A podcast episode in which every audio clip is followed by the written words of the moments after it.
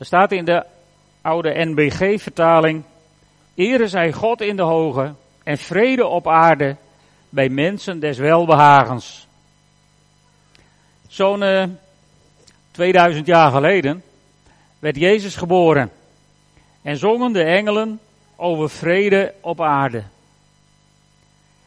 En ik denk zo'n jaar of 50, 60 later schrijft de apostel Paulus aan de gemeente in Filippi volgens mij min of meer het recept voor vrede op aarde. En in de Bijbel in gewone taal staat daar een heel mooi kopje boven. Denk aan het voorbeeld van Jezus. En dan staat er in Filippenzen 2, vers 5 tot 8. Bedenk wat Jezus Christus gedaan heeft. Dat is in wezen wat we doen hè, vandaag. We staan niet alleen stil bij, bij de geboorte van de Heer Jezus, want Jezus is volwassen geworden. En Jezus is opgevaren naar de hemel. En hij zit aan de rechterhand van God, van waar hij komen zal om te oordelen, de levenden en de doden. Dat is toch wat er in de geloofsbeleidenis staat. Jezus, bedenk wat hij gedaan heeft. Want daaraan, zegt Paulus, zien jullie hoe jullie met elkaar om moeten gaan. Jezus Christus was aan God gelijk. Maar hij vroeg niet om de hoogste macht en eer voor zichzelf.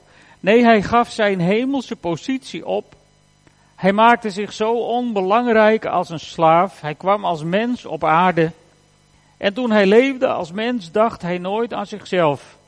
Hij was altijd gehoorzaam aan God, zelfs toen hij aan het kruis moest sterven. Dus Jezus dacht niet aan zichzelf. Als Jezus aan zichzelf had gedacht, dan had hij bij het voorstel van zijn vader om naar deze wereld te gaan, om de mensen te verlossen van hun zonden, dan had hij met alle recht kunnen zeggen, weet u wel wie ik ben? Ik ben de zoon van de baas.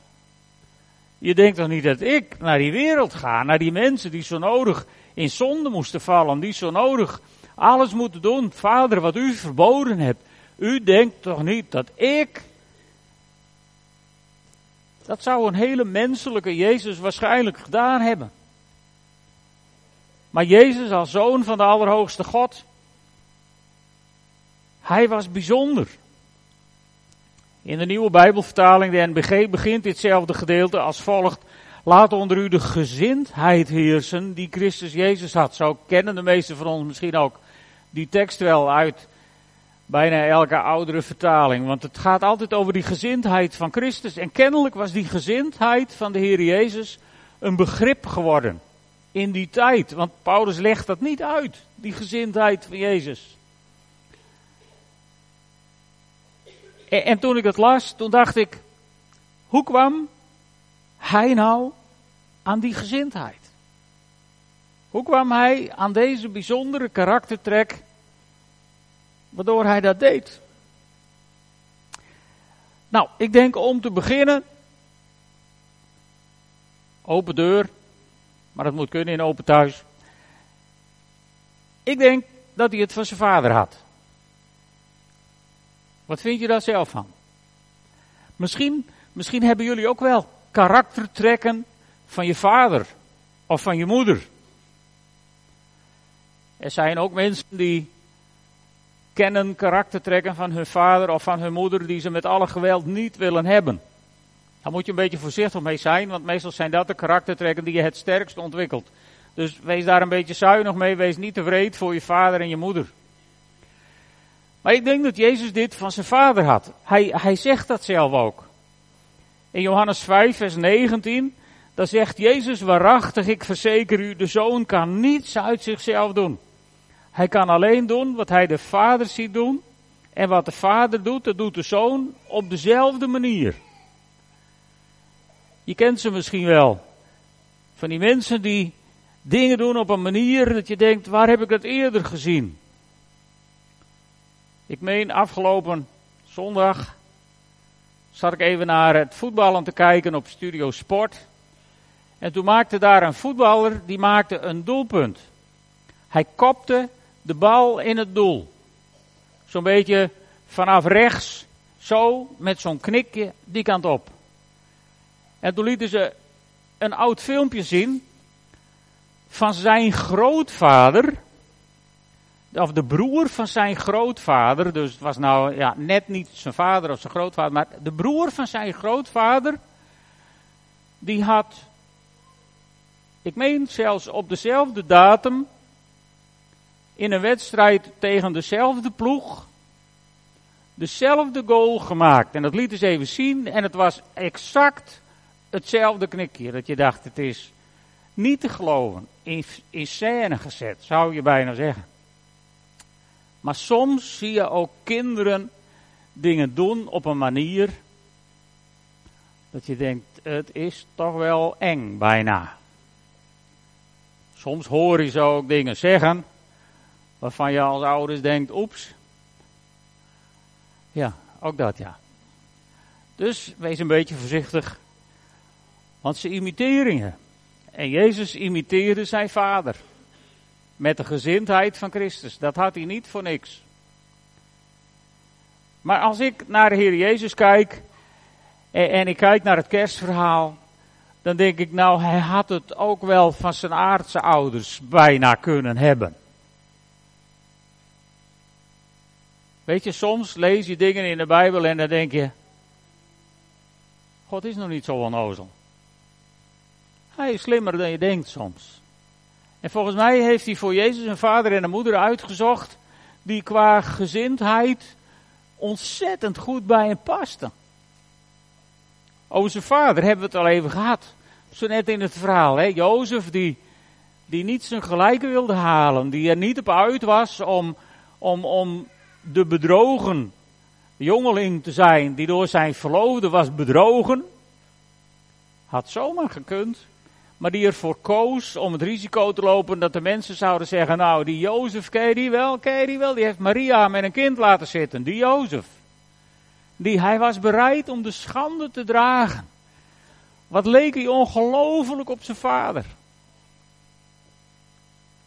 Ik moest daarbij even denken, hij kon Efeze 5 vers 25 wel gelezen hebben. Dat kon niet, want dat is 60 jaar later pas geschreven. Maar toch, in Efeze 5 vers 25, daar staat, Mannen, heb uw vrouw lief, zoals Christus de kerk heeft lief gehad en zich voor haar heeft prijs gegeven. Jozef was bijna bereid zich prijs te geven. In ieder geval was hij bereid om zijn reputatie prijs te geven om Maria te redden. Nou, als dat geen mooi voorbeeld is van wat Jezus Christus voor ons is komen doen. Wat een vader kreeg hij. Maar zijn moeder mag er ook zijn, want als je, als je het verhaal leest over de aankondiging van de geboorte. We hebben ons nu even verdiept, zo pas in Jozef. Maar, maar, maar je zal maar Maria heten. Hè? Je zal, je zal een, een, een, een, mooie jonge meid zijn en, en je bent verloofd met een leuke vent en die wil met je gaan trouwen. En dan komt er een engel vertellen van nou, je gaat eerst zwanger worden van de Heilige Geest. Zou Maria nooit gedacht hebben, hoe leg, hoe leg ik hem dit uit? Ik denk het wel.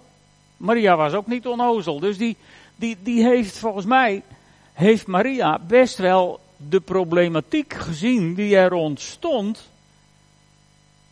door die boodschap van die engel. Want ze vraagt uiteindelijk aan die engel, en, hoe gaan we dat doen?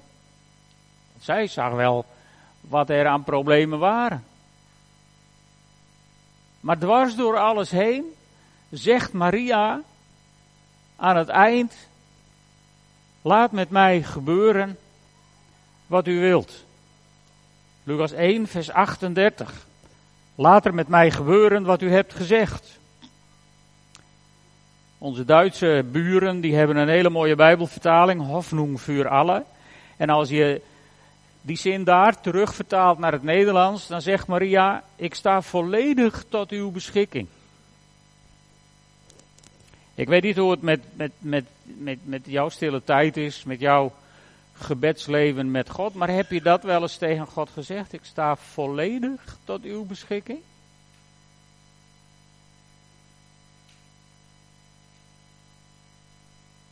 Dat is een gevaarlijk zinnetje.